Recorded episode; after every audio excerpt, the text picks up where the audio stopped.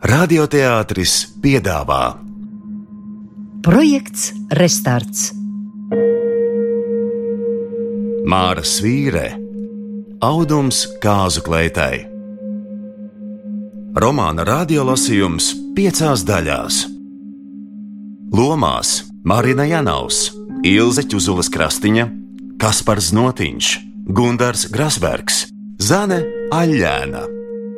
Režisors Jānis Kājaks, skaņu un mūzikas režisore Kristīne Zolotorenko, radiolasījumu veidojusi Alda Priede.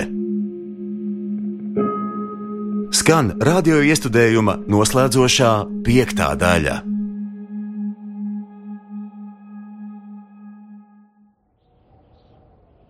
1955. gada 14. augustā. Labrīt, mīlulīt! Vēstuli sāku ar savu literāro pielikumu, lai tev rastos priekšstats par manu ceļu šurp. Šodien ir atkal tas rīts, šodien būs atkal tā diena, liktenis, kad kamolā tin pelēko lāgera dzīvi. Kurp kamolu metīs, jā, kas to lai zina, būs etaps. Uz trakta jau mašīnas stāv, par sniegoto klājumu prožektors blāv, būs etaps. Austpolārais rīts pie konvoja piespiedies pēdus un strīds. Būs etaps. Nu, starpība tikai tā, ka pagaidām vēl nav sniega, lai gan laiks riebīgs. Lielākoties apmācies, pa laikam lietus. Ļoti asas pārmaiņas, līdz ko saule karsts, tikko aiziet aiz mākoņiem, jāmeklē bušlats. Sajūta kā pie jums oktobra beigās. Nu jau vairāk par nedēļu kopš ierados šeit. Es nokļuvu jaunā, tikko saformētā brigādē. Katrs dara savu operāciju. Divi cilvēki ar motorzāģi gāž kokus, divi cērta zarus un met gubās, divi ar traktoru rauj kokus no meža ārā, divi ar motorzāģi sagarina, divi ved uz krautuvi. Es strādāju pie pēdējās operācijas, kas ir viena no smagākajām. Visu dienu vienalga kāds laiks atrodamies zem klajas debesis, vakar trīs reizes izmirkām līdz ādai. No rīta saņemam maizi, 100 gramus, vienu ēdam karoti cukura un mazu bulciņu, tik lielu kā zīdaiņa kulaciņš. Tā ir visas dienas deva. Brokastīs ūdeņaina zupa un biesputra, mazs gabaliņš mēncas, kā nebūtu iztikt var. Katru nakti vizulīt redzu tevi sapnī, bet vēstuli nevaru sagaidīt. Zinu jau, ka vēl par agru gaidīt, tomēr gribas. Vajag. Jau labu laiku Vizma jūtas stāvam uz šauras, glumas laipas.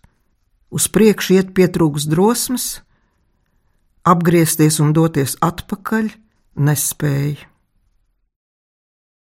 11. guntis gaidīs majoros pie laivu iznomāšanas punkta. Apsolīja aizvest pie ūdensrozēm. Kā viņš zina, kur aug ūdensrozes? Redzējis vizinot kādu citu? Desmitos atbrauc rasma. Vizmu kaitina māsas paņēmiens pēkšņi ierasties. Labdien, esmu klāt! Protams, tā vēslota viss izdomā pēdējā brīdī. Neko darīt, jātēlo priecīgs pārsteigums. Bet Guntis un ūdens rozes. Vizmai nākas atzīties, ka sarunāts. Forši! Braucam! Nu, laivā var arī sauļoties. Bet kas viņš tev ir? Stūcers? Nu, nē, tikai tā. Uh, patiesībā darba biedrs no tehniskās daļas. Ļoti izsmeļoši. Man, protams, labāk patiktu, ja tas būtu Gunārs Jakobsons, kurš baigi forši stāst par futbolu. Tu pazīsti? Viņš ir precējies. Pazīstu, bet ne visai sasveicināmies. Smuks un liekas, nav precējies, bet tas nenozīmē, kopš kur laika tev futbols interesē.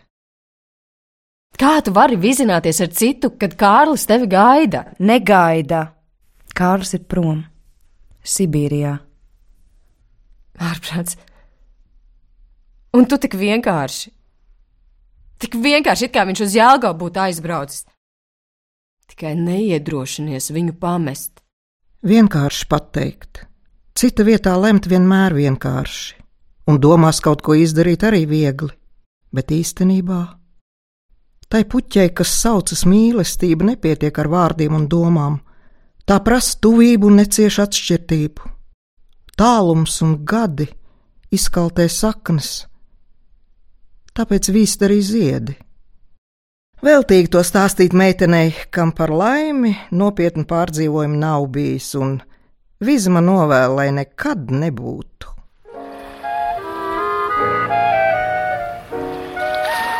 Guntis neizskatās iepriecināts, ieraugot vēl trešo. Droši vien arī domājis par smilšainu sēri vai zaļu pļāvu. Tomēr cenšas to neizrādīt, un plāpājot, drīz vien sāk rasmu saukt par māšeli. Palīdzējis meitenēm iekāpt, viņš novelk kreklu, nosviež uz soli laivas priekšgalā un sāk airēt. Kur mēs brauksim? Viņš pagriež laivu dubultu virzienā, brūns iededzis, stipras rokas. Jā, vismaz zina, atceras.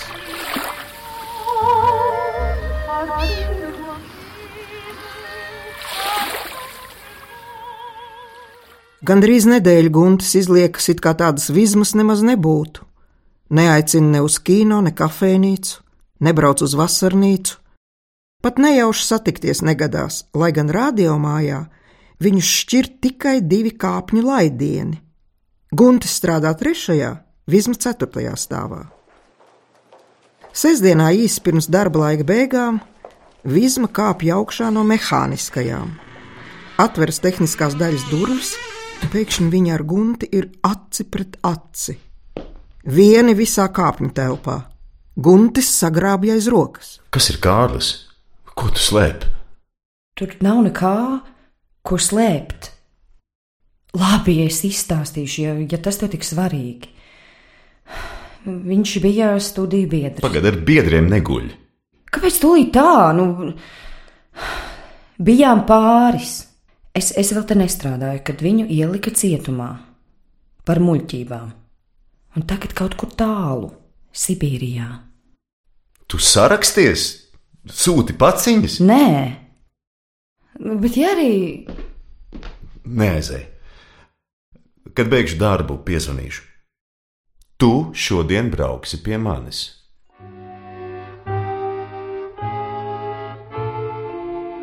Spodrs divi stāv dzīvoklītes otrajā stāvā, nelielā īres mājā, kādas mēdz būt Rīgas nomalēs. Ievedis vizmu savā istabā, Guntis aiziet rosīties virtuvē. Kad istabā saklāts galds, Guntis izņem no skapīša kagoru pudeli un glāzes. Vizma gandrīz ievaidas. Nedrīkst, tas ir kārļa vīns, vienīgi ar viņu baudāms nodevēja. Nodevēja! Guntis apsēžas Vizmai līdzās, apskauj skūpsta, tur cieši, cieši un čukst. Es tevi mīlēšu, es tevi audzēšu, es tev nekad pāri nedarīšu. Mēs abi būsim laimīgi. Un tad sākas tas, no kā sākumā vismai bija bail. Bet nu vairs nē. Bruņas atveras, nokrīt. Viņa slēpja kailumu zem segas, bet Guntis neļauj. Pagaid. Es gribu redzēt, tu esi skaista. Tu arī. Šī ir pirmā nakts, ko abi izbauda gan vētraini, gan nesteidzoties, izgaršojot.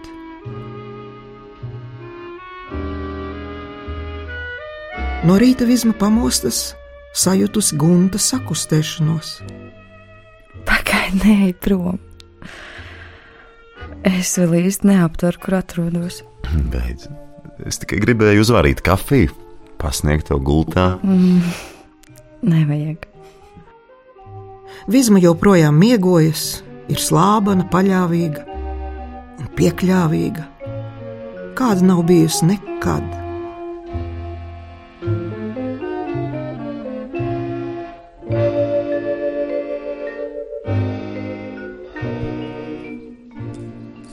Brokastis līdzinās laulāta pāra svētdienas rītam.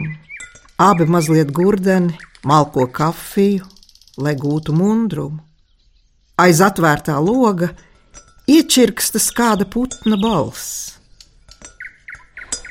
Dzīve šeit būtu kā sapnis, pašiem savu istabu, klusums, lakstīgals. Rīt ejam uz Zimsarakstu biroju pieteikties un kāzas pēc mēneša. Nē, nu, jā, vispār, bet, bet varbūt vecgada vakarā. Un tad tev līga uz pušķī būs kallas, bet tās taču ir ledus puķis. Es gribu tādā laikā, kad var dabūt rozes. Guntis liek saprast, ka par to jau domājis. 1955. gada 21. augustā. Šodien atkal svētdiena. Drūma palēkā ar man tik svešajām komiju debesīm virs galvas. Rakstu savam vizulītim jau sesto vēstuli, bet atbildi vēl neesmu saņēmis. Kādēļ tu neraksti? Saprotu, viena vēstule var pazust, divas var pazust, bet šī jau ir sestā. Tā tad pazušanas vaina nav. Kas tad? Lūk, tas ir jautājums, uz kuru atbildi nevaru atrast. Pagājušo svētdienu vizulīti pārkravāju tavas vēstulītes, kas ir saglabājušās no pirmās līdz pēdējai. Lai tās aizņemtu mazāk vietas, saliku vienā aploksnē pa 15, 20, bet beigās tic vai netic, pat no tukšajām aploksnēm bija grūti šķirties. Bija tāda sajūta, it kā es tev būtu pāri nodarījis, tās iznīcinot, un visu vakaru klīdu pa zonu, raidot tev maiguma vilni. Vai tu jūti? Palieku gaidot kādu ziņu, nevaru ar pirkstu rakstīt zilā gaisā vai stundām runāt tukšai telpai. Tādēļ pagaidām sirsnīgs attā. Viņa mīl Kārli, protams, mīl, bet katrai domai pretdoma, kas būtu jāapslāpē. Tomēr vai nu tā tik stipra, vai visma par vāju? Nākotne kopā ar Kārli dziest, izbāla, zaudē aprises laikā un telpā. Mīļi vārdi būtu, bet bez seguma, un roka neceļas tos rakstīt. Rīt vai parīt. Pēc dažām dienām viņa apsola sev. Guntis aicina braukt uz Tallinu. Ekskursijā? Var teikt arī tā, bet divi tā. Uz dienām trim, četrām. Man sācies atvaļinājums, bet tu varētu darbdienām dabūt komandējumu. Svētdienu pieķert klāt. Nu, kāpēc nē? Kamēr laiks vēl jauks. Komandējuma mērķi nav grūti izdomāt. Par igauņu pionieru vasaru, par piedalīšanos jaunas skolas iekārtošanā, gan jau kaut viena būs uzcelta. Guntim esot draugi ST radio. Pirms pāris gadiem Latvijas radiotehniskās daļas darbinieki bijuši tur pieredzes apmaiņā, kas nozīmē ekskursijas, iedzeršanu un balli noslēgumā.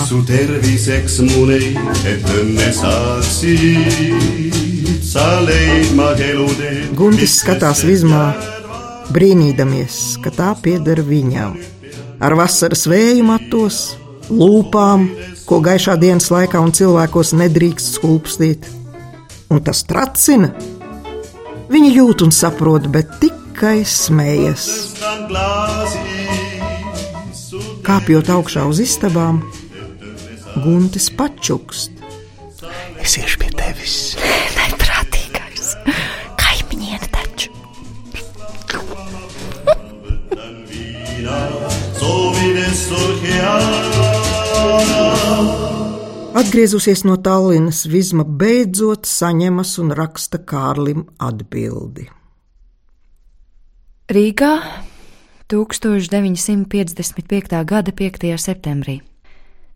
Mīļš sveiciens mīlulītim! Tik ilgs laiks pagājis, kopš nesmu tev rakstījusi, ka vairs nemaz vēstules numuru neatceros. Kad saņēmu tavu īso vēstulīti, tu jau laikam biji ceļā uz Ļeņingradu. No Peres ilgas vēstules nav līdz šai dienai. Tu tagad gaidi, ko es teikšu. Priecājos par tavu pēdējo vēstuli, tikmēr, kamēr nebiju izlasījusi. Pēc tam raudāt neraudāju, tikai vēl vairāk noslēdzos sevi. Tu mīļumiņ taču dzīvo necilvēcisku dzīvi. Ak, Dievs, tur jau trūkst vārdu. Pa mājām iet eh, tāpat kā gājis. Tēvs dzer, mammīt pārdzīvo, cik ilgi vien būs iespējams dzīvošu jūrmalā. Manas draudzenes izšķibējušas, kur kurā, arī no tavas māšēlas nav ziņu. Nezinu, vai nav par kaut ko dusmīga. Padomā, mīlulīt, pēc pāris mēnešiem mums būs jau piecu gadu jubileja. Tu spēj to saprast? Gadi aizskrējuši, bet padarīts nav nekas. Būtu vismaz bijis dēls, ko audzināt. Ai, nu labi, nav ko es. Es kļūstu sentimentāli. Raksti man, draugiņ, cik bieži vien vari. Arī es centīšos rakstīt pēc iespējas biežāk. Pagaidām mīļi, mīļi sveicieni, tavs vizulītis. Vēstule vēl ir ceļā, un Kārlis gaida. Katru dienu pārbauda, vai starp pienākušajām nav arī viņam. Bet nekā. Kāpēc viņa neraksta? Kas varētu atgadīties? Notikusi nelaime? Tad rasmiņa atrakstītu. Vēstule nāk visilgākais dienas desmit, bet ziņu nav gandrīz divus mēnešus. Tas nozīmē tikai vienu. Vienu. Var jau sev pūst miglu acīs, izskaidrojot ar darbu, pārpūlēšanos, eksāmeniem, ieskaitēm, sliktu pašsajūtu. Cilvēks vienmēr atrod laiku tam, ko vēlas.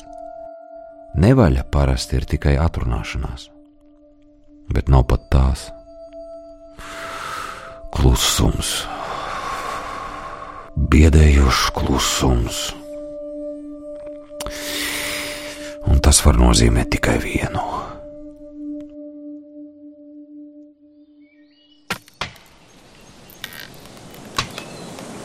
Septembra vidū dienas siltas. Mežā var strādāt vienā kraklā, bet vakari un rīti ir augsti.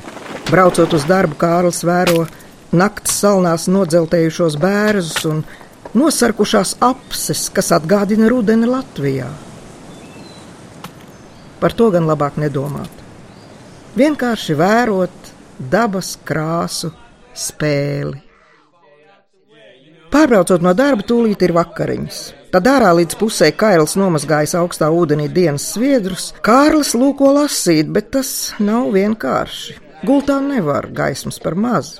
Vienīgo galdu parasti aizņem tatāri ar pašu gatavotajām vakariņām. Bieži gadās klizmas elektrostacijā, tad jādzīvo tumsā. Vienā tādā vakarā savā sekcijas stūrī bariņš veču sāk dziedāt. Daudzus nav sacerējuši populārie laureāti Dunajevskis, Blanters vai kāds cits. Nē, tās rakstījusi nosalusi roka uz tukšas mahorkas paciņas, Vorkutā, Kolimā vai Magadānā.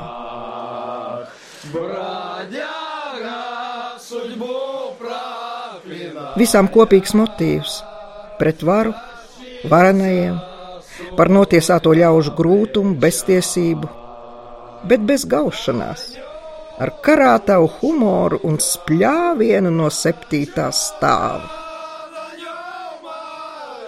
Šajā brīdī Kārlis nenožēlo, ka ir šeit. Rīgā tādas dziesmas nebūtu dzirdējis un nebūtu izjutis, ko nozīmē vergu brālība. Kārlis brauc mājās! K kāpēc tu tā domā? Kā tu zini? Māmīte šorīt par radio dzirdējusi. Ko dzirdējuši? Par amnestiju no Maskavas, bet stāstīja latviski. Ko tur sacīja? Kāda amnestija? Skaidri un gaiši. Dekrēts atbrīvo visus politiskos. Tad jau Kārli arī. Ja šodien palaiž, tad pēc desmit dienām būs klāt. Vizma apsēžas, atspiež galvu rokās un sāk raudāt. Pēc desmit dienām tas, tas ir neaptverami. Tas brīnišķīgi, ka viņš tiks no Sibīrijas ēlas laukā. Vizma no sirds to vēlas. tomēr pirms gada laimē nebūtu robeža, bet tagad. Kāpēc viņi nebija ar mieru precēties, kad Gunts toreiz sacīja, tad nekas vairs nebūtu grozāms?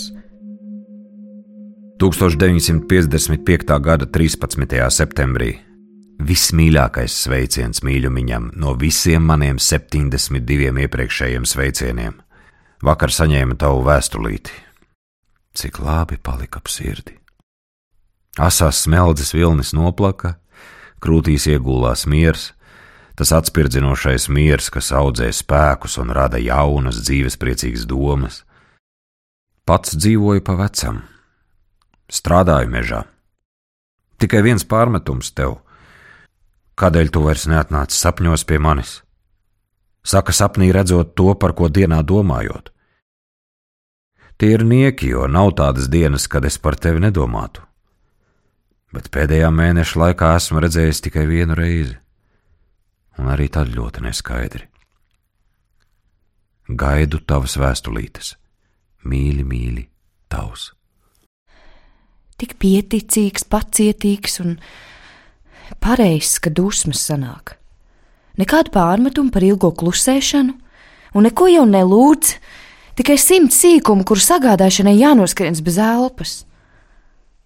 Kā var sacīt, ka grūtākais jau ir aiz muguras? Nē, grūtākais ir priekšā. Bet nu ir dekrēts, nu patiešām palaidīs mājās. Kādās mājās? Viņas mājās, lai sagrautu visu, kas atbrīvošana būtu katastrofa. Guntis, Kārlis. Labo mīļo vārdu tūkstošus nevar izdzēst. Tie tagad gāžas pār vizmu kā akmeņu lavīnu un draud aprakt, aprakt pienākumā. Jo kā citādi viņi nespēs, nē, nespēs pateikt, ka, jo Kārlim vajadzēs atbalstu, atspaidu, arī jāapgādā, kamēr nestrādās, vai vispār dabūs darbu. Kā pati kādreiz izmisumā teica, ar cirvi un lāpstu, tad jau mežā. Jā, tur viņam liela prakse, tur derēs. Vai taisnīgi, ka viņai būs jācieš līdzi otram cilvēkam, tāpat kā mammīte cieš līdzi tēva dzeršanai? Vairākas dienas Vizma domās sacer vēstuli līdz beidzot sēžas pie galda un raksta. 1955. gada 21. septembrī. Sveiciens no manis. Nezinu, kā sapņos, bet īstenībā man liekas, mēs kopš tavas aizbraukšanas esam atsvešinājušies.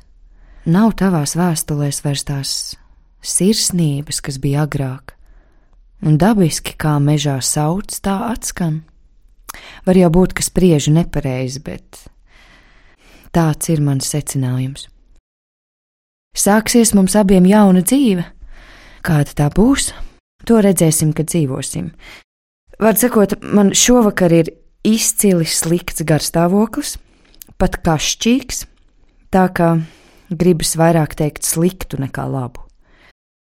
Raksti ātri, kā ir ar tavām lietām, vai nevajag aizsūtīt naudu?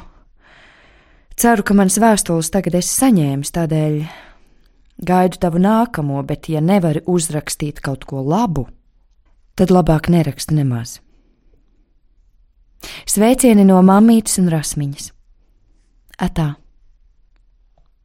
Ātrāk aploksnē, rīt no rīta pasta kastē. Nav laba šī vēstule, nav laba. Varbūt pat netaisna. Tad jau redzēs. Kas ar tevi notiek? Hm. Kaut kas krūtīs strinkšķēdams pārtrūkst. Viņa raudādam gandrīz sabrūk stiprajās rokās. Nu, nemok sevi. Rīt mēs iesim uz zaksu, pieteikties, un pēc mēneša būsim laulāts pāris. Tad tev vairs nebūs atpakaļceļa un viss nokārtosies. Nē, Nē es nevaru. Man viņš žēl. Un manis? Vēl vairāk. Sevis arī. Nu, redz, nu tad norunāts. Nē. Nē, nē, šis ir pēdējais vakars mums. Tu zini, kad viņš ieradīsies? Nē, bet.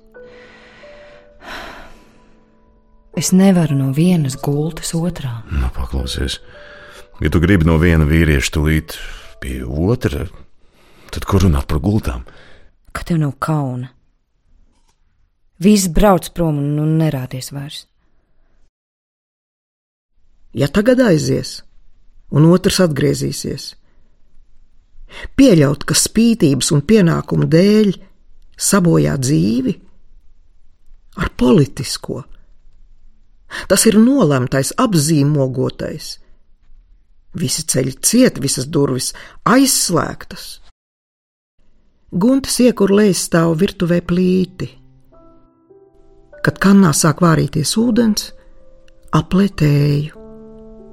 Tad klusiem soļiem, tā ka pat čīkstošās kāpnes neievaidas, uzlavās augšā un strauji atrauj durvis.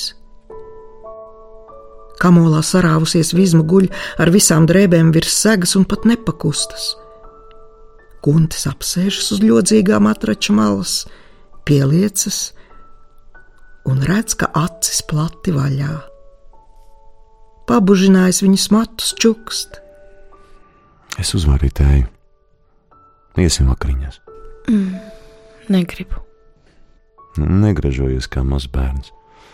Nav ko te drebināties, ejam. Sēžot pie virtuves galda guntim pretim, Vizmai ienāk prātā gluži kā ar kārli īsās tikšanās laikā. Pār muguru lodā neliels drebulis, ne no augstuma, drīzāk no satraukuma. Guntis nogriež maizi viņai un sev, ziež sviestu, uzliek sieršķēli un nokož lielu kumosu. Vizma drupina sausas maizes doniņu, jo kaut kas jādara. Citādi viņš atkal izteiks kādu ultimātu. Patiesībā viņa labprāt padotos, jo nespēja izlemt, nespēja pieņemt vissvarīgāko lēmumu savā dzīvē. Ar Kārli viss miglātīts, ar gunti, skaidrs kā saulainā pļavā, tomēr Kā dzīvot ar apziņu, ka Kārlim sāp? Un stāsts par to, kas griež vēnes, un par to, kurš kāries, ja nu, ja nu Kārlis grib mani padarīt atbildīgu par savu dzīvību. vārdi, teikumi, kaut kādi pierādījumi, arī iebildes, bet atbildes. Rīts nebūs gudrāks par vakaru. Es iešu augšā, bet nenāc lūdzu. Tev būs augsti. Es izturēšu. Tu nemaz to negribi. Atzīsties, ka vēlēs, lai tevi sasildu un aizmigt uz manas rokas. Es arī. Nu, kāda vēl dēļ jātēlo svētā mocekle? Sašļukus kā gaisa izlaides balons. Nu, kur mana smieklu dzirkstelīte? Tu domā, ka tam, kas tevi izdzēsis, tāda būs vajadzīga? Viņš neizturēs, aizlaidīsies, kā es te stāvu. Guntis seko pakāpienu pakāpienā, pēc tam tik maigs. Sākumā tas šķiet aizkustinoši, bet vēlāk ar vien satraucošāk, līdz vēsā istaba ir karstu alku pilna.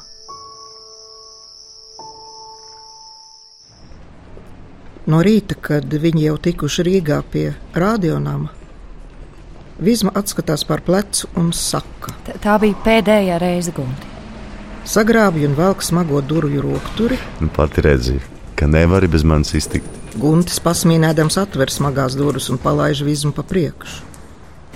Viņa neatbildējas, pagrūž milicim zem deguna caurlaidi un uzskrien pa lielajām kāpnēm. Pēc darba vizma brauc uz biķernieku ielu uz mājām. Tā ir bēgšana no gunta, no sevis, savas nedrošības un bailēm, ka viņa rokās atkal aizmirsīs labo apņemšanos. Kādu Mamīte pierunā, lai taču beidz to vasarnieku dzīvi. Atgādina, ka pagājušajā rudenī atbrauca mājās sasaldējusies pavisam slima, vai gribot šogad atkal? Bet vizma pajūsmo par jūru, kas saulainās rudens dienās košāk zila nekā vasarā, par zeltītām lapām. Nu jā, krāsainu lapu netrūkst ne liepām ielas malā, ne ābelēm dārzā, kur pat miķelīši uzziedējuši. Beidzot, viņa apsola tuvākajā laikā atgriezties ģimenes pērklī un nodomā patiešām jāsavāc mantas un jābrauc mājās. Nav jēgas tur drebināties vienai un vientuļai.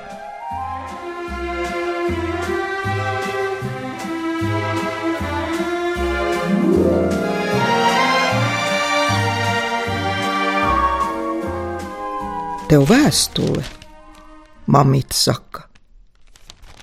Jā, vēstule pagroza pirkstos. Varbūt jau ziņo, kad ieradīsies.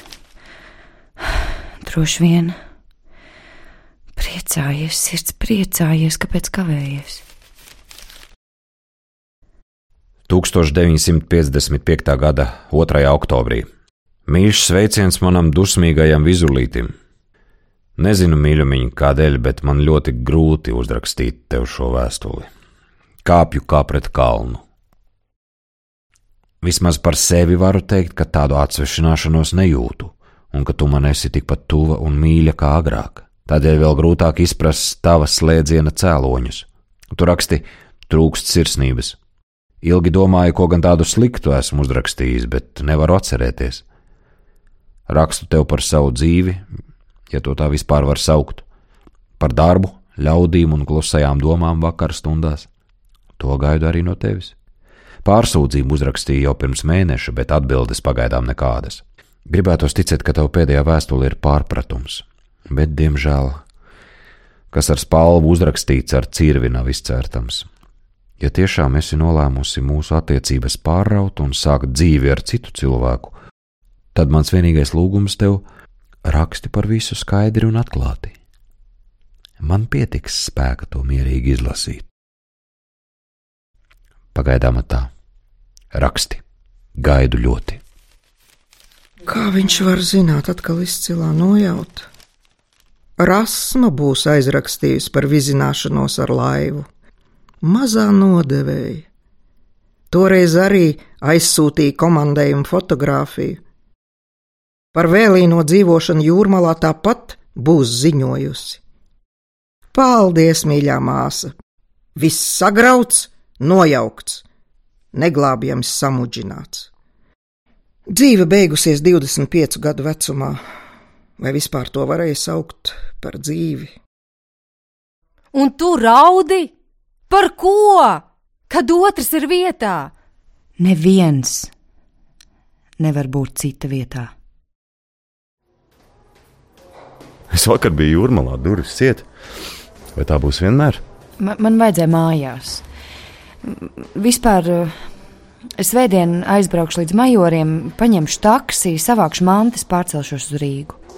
Gribi palīdzēšu? Nē, nē, nevajag. Nu, bet ja šovakar mēs nosvinētu sezonas nobeigumu, Sola vētru. nu jau labāk.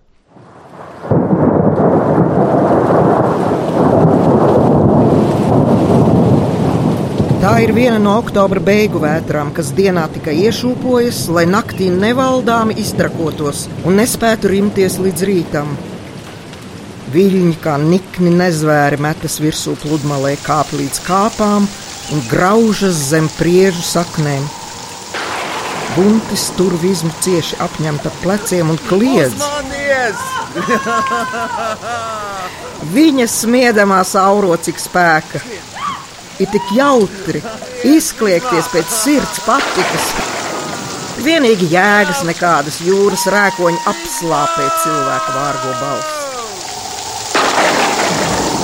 Vasarnīca dreb kā izmirts pucēns.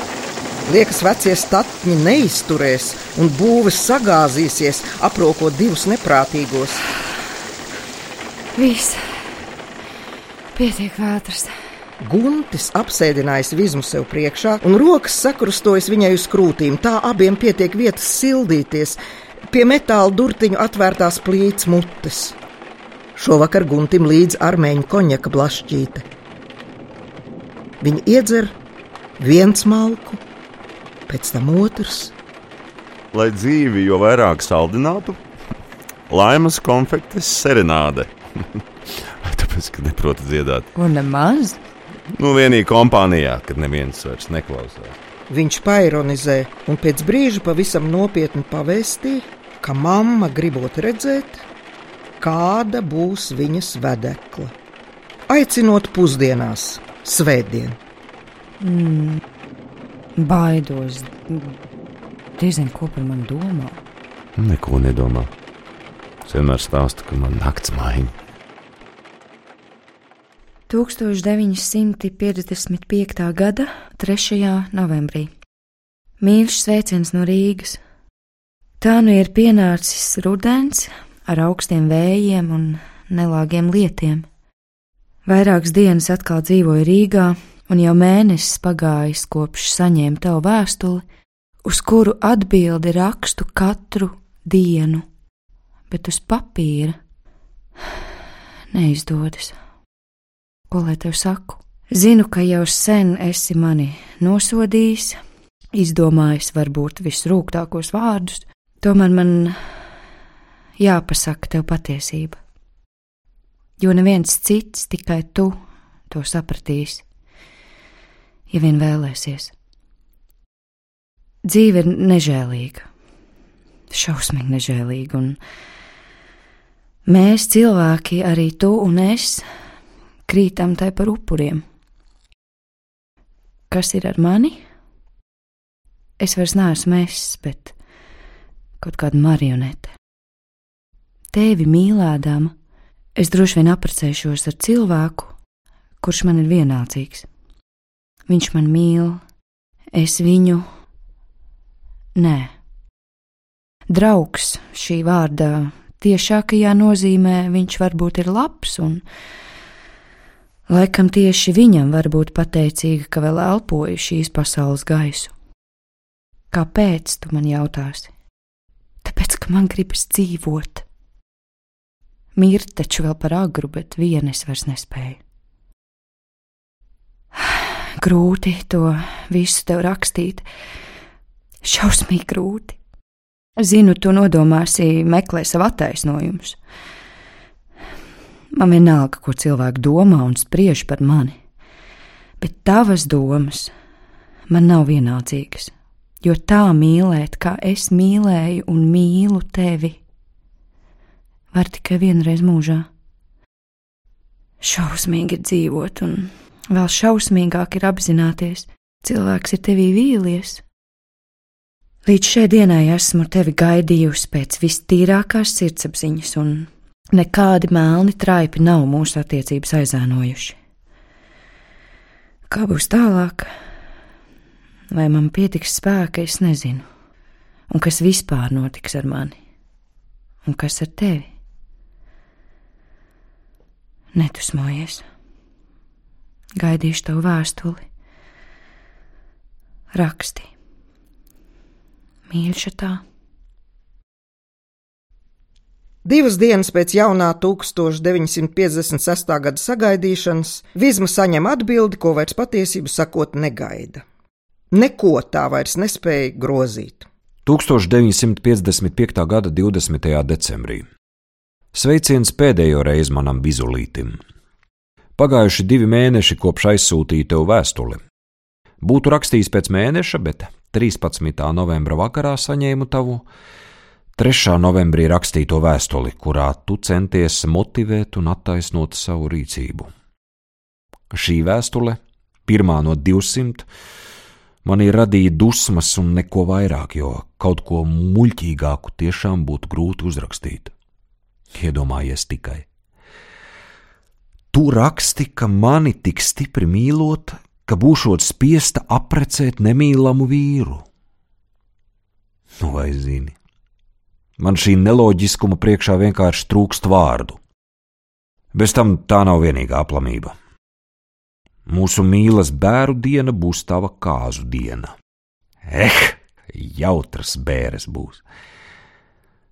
Žēl tikai, ka nevarēšu piedalīties. Nu, ko lai saku? Piecus gadus tevi mīlēju, desmit vajadzēs, lai aizmirstu. Novēlu jums abiem laimīgu, laimīgu jauno gadu. Kārlēns.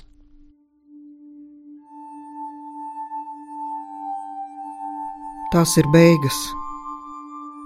Kam? Mīlestībai? Nē, mīlestība vēl sāp.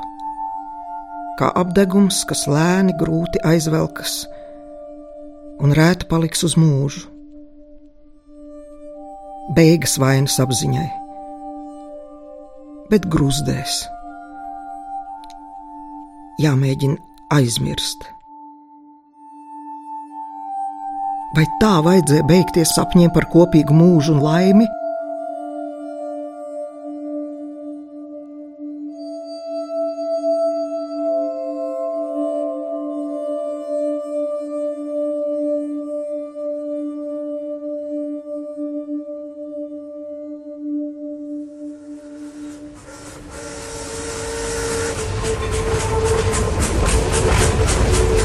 1956. gada maijā Sibīrija vēl ir skopa, tomēr Kārlim uzdāvina lielāko bagātību, kāda cilvēkam var būt - brīvību. Agrāk viņam likās, ka lidos no prieka, bet tagad, saņemot paziņojumu, Kārlis apsēžas un aizsēž seju ar rokām.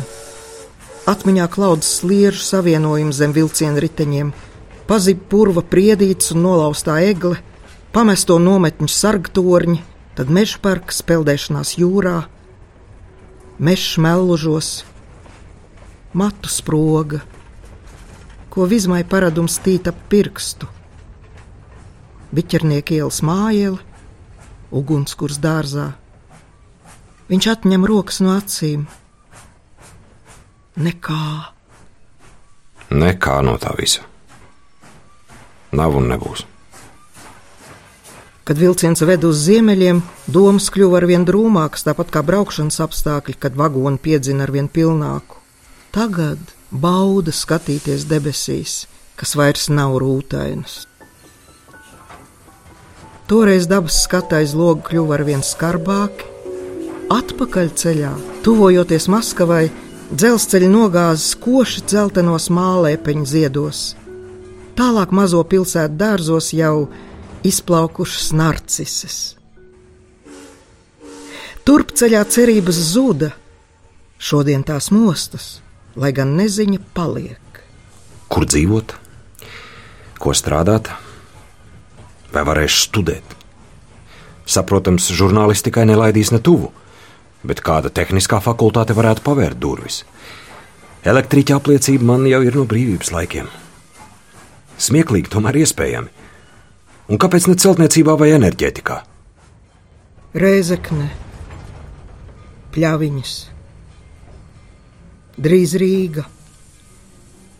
Kārlis atzīst sev, ka visu ceļu atvairījis domas par vizmu, un tomēr, tomēr tās sēdējušas līdzās kā neaicināts ceļa biedrs.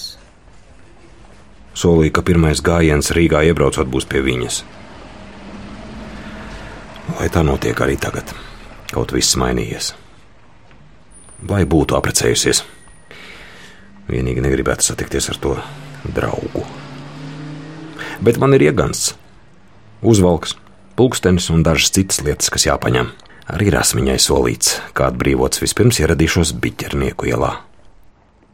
Un vēl no kādas jausmas Kārlis nespēja tikt vaļā kopš vizmas klusēšanas. Mīlestība nevar izgaist kā smarža. Mīlestība ir kā ugunskurs kūdrainā vietā. Pats redzēja taigā. Sākumā tas tiecas uz augšu, gaišās liesmās, tad sakrājas kvēlojošs oglis, ko nav viegli apdzēst. Šādi ugunskuri ir gandrīz nenodzēšami. Kāpēc ar mīlestību, lai būtu citādi? Un ja nu izrādītos, ka vizma vīlusies savā draugā, Un, ja no satikšanās brīdī uzliesmo, apdzisušais ugunskurs. Mamīte skatās atnācējā ieplestām acīm, kā spoku ieraudzījusi. Tad ne vārdu neteikusi apkampi kaut kur ap vidukli, jo augstāk nesniedzas. Pieglauž galvu viņa krūtīm un sāk šņukstēt. Kārlis saprot, ugunskurs tomēr apdzisis. Tu man kā pašas dēls, mamīte murmina, bet ko es? Neko es. No savas istabas iznāk rasma. Iespiedzis pakaras kārlim kaklā, spirina kājas un vajag to cieši turēt ap vidu, lai nenolaustu viņam kaklu. Mamīte tikmēr virtuvē šķindina trauks un paziņo, ka tūlīt ceps pankūkas, tās ātri tikšot. Lai rasma atkāpjoties un ļaujot Kārlim nākt apsēsties virtuvē, pankūkas esot jāēd tikko no pannas. Viena jautā to, otra citu. Kārlis cenšas atbildēt, bet tirgus vien iznāk. Beidzot saņemas un prasa, vai vizma darbā? Nē, viņai atvaļinājums. Aizgāja pirkt audumu kāzu klētē. Baltu, biezā zīda. Varbūt gaiši zila vai krēmkrāsā. Kādu nu dabūs? Izvēle jau nav liela. Jā, viņa grib uh, baltu, bet es saku, kāzas Jāņos nav balle. Drīzāk uh, večerinka. Nu, tur labāk kaut kas raips, puķains, košs. Vai drīkstu ieskatīties viņas istabā? Kārlis atver durvis un paspēr tikai vienu soli. Nē. Tā vairs nav tā istabiņa, kurā kādreiz līdu pa logu. Kad toreiz Vizma atnāca mājās, Kārlis jau bija aizgājis. Ne mammīte, ne rasma nevarēja pateikt, uz kurieni un uz cik ilgu laiku. Izrādījās uz 45 gadiem. Labāk prom. Uzrakstīt bija vieglāk nekā pateikt. Acīs skatoties, jo sevišķi, ja sirds, jā, sirds drab.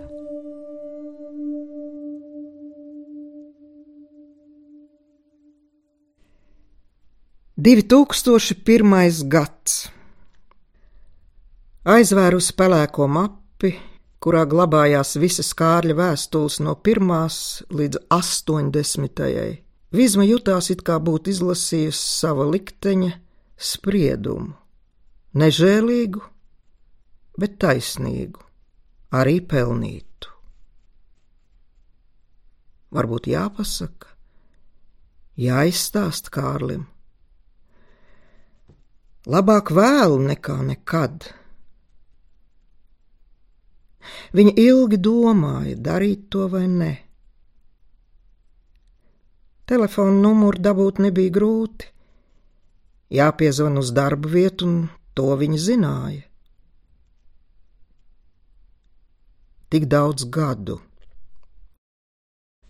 Pārāk ilgs laiks, tas daudz ko izdzēsis. Tomēr Kārlis nevar būt viņu pavisam aizmirsis. Vai bijušo vajag augšām celt?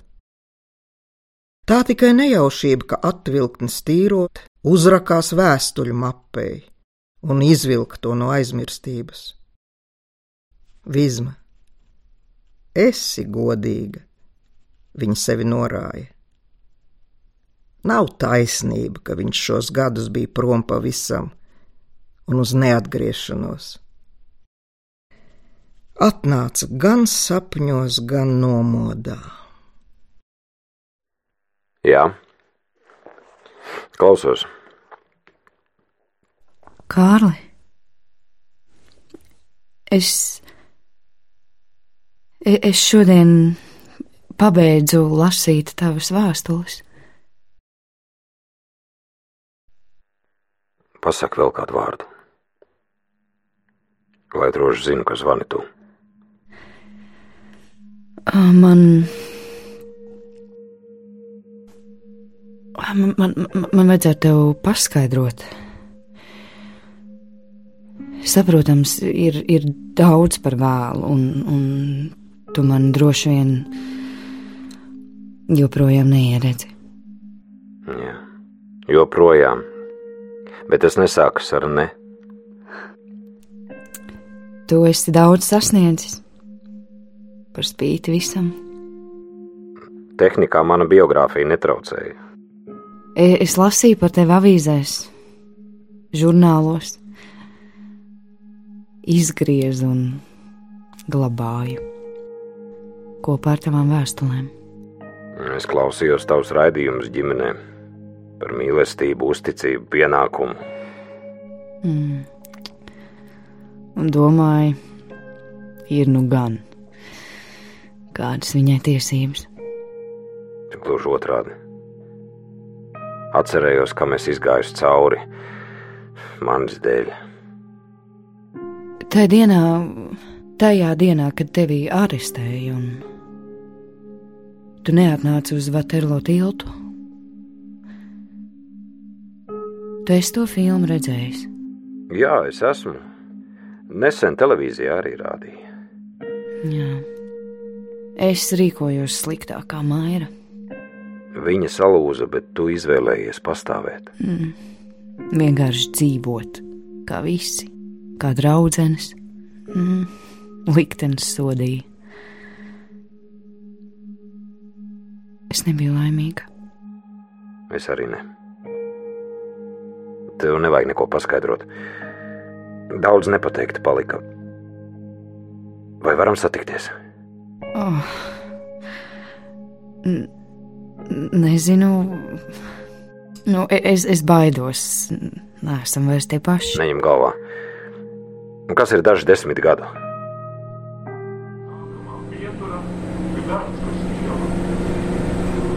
Viņi norunāja, ka Vizma atbrauks līdz Mākslas akadēmijai, un Kārlis pie trolēļus pieturas sagaidīs.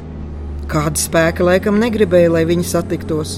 Viens trolēļus aizgāja gar degunu, nākamajam, kurā Vizma iekāpa, nokrita kontaktstanga, pēc tam sastrēgums uz vānu stilta.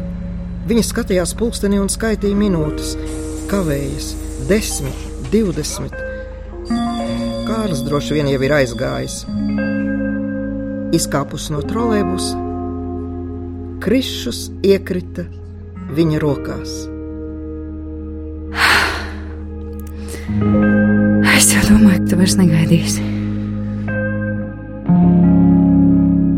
Kas gan ir pusstunda? Ja esmu tevi gaidījis visu mūžu.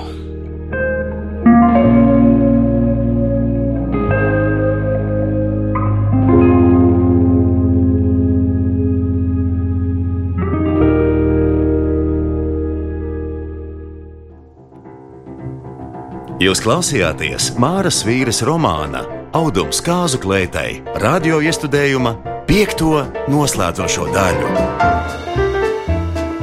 Lomās autore Marina Janaus, Vizma, Ilze Čuzules Krastiņa, Kārlis, Kaspars Znotiņš, Guntis, Gundars Grasbergs, Rasma, Zane Aļēna. Radio iestudējumu veidojuši režisors Jānis Kājaks, skaņu un mūzikas režisore Kristīne Zolotorenko, redaktore Alda Briede, mecenāti Boris un Ināra Teterevi, teātris iedvesmo. Ieraksts veikts radioteātrī 2017. gadā.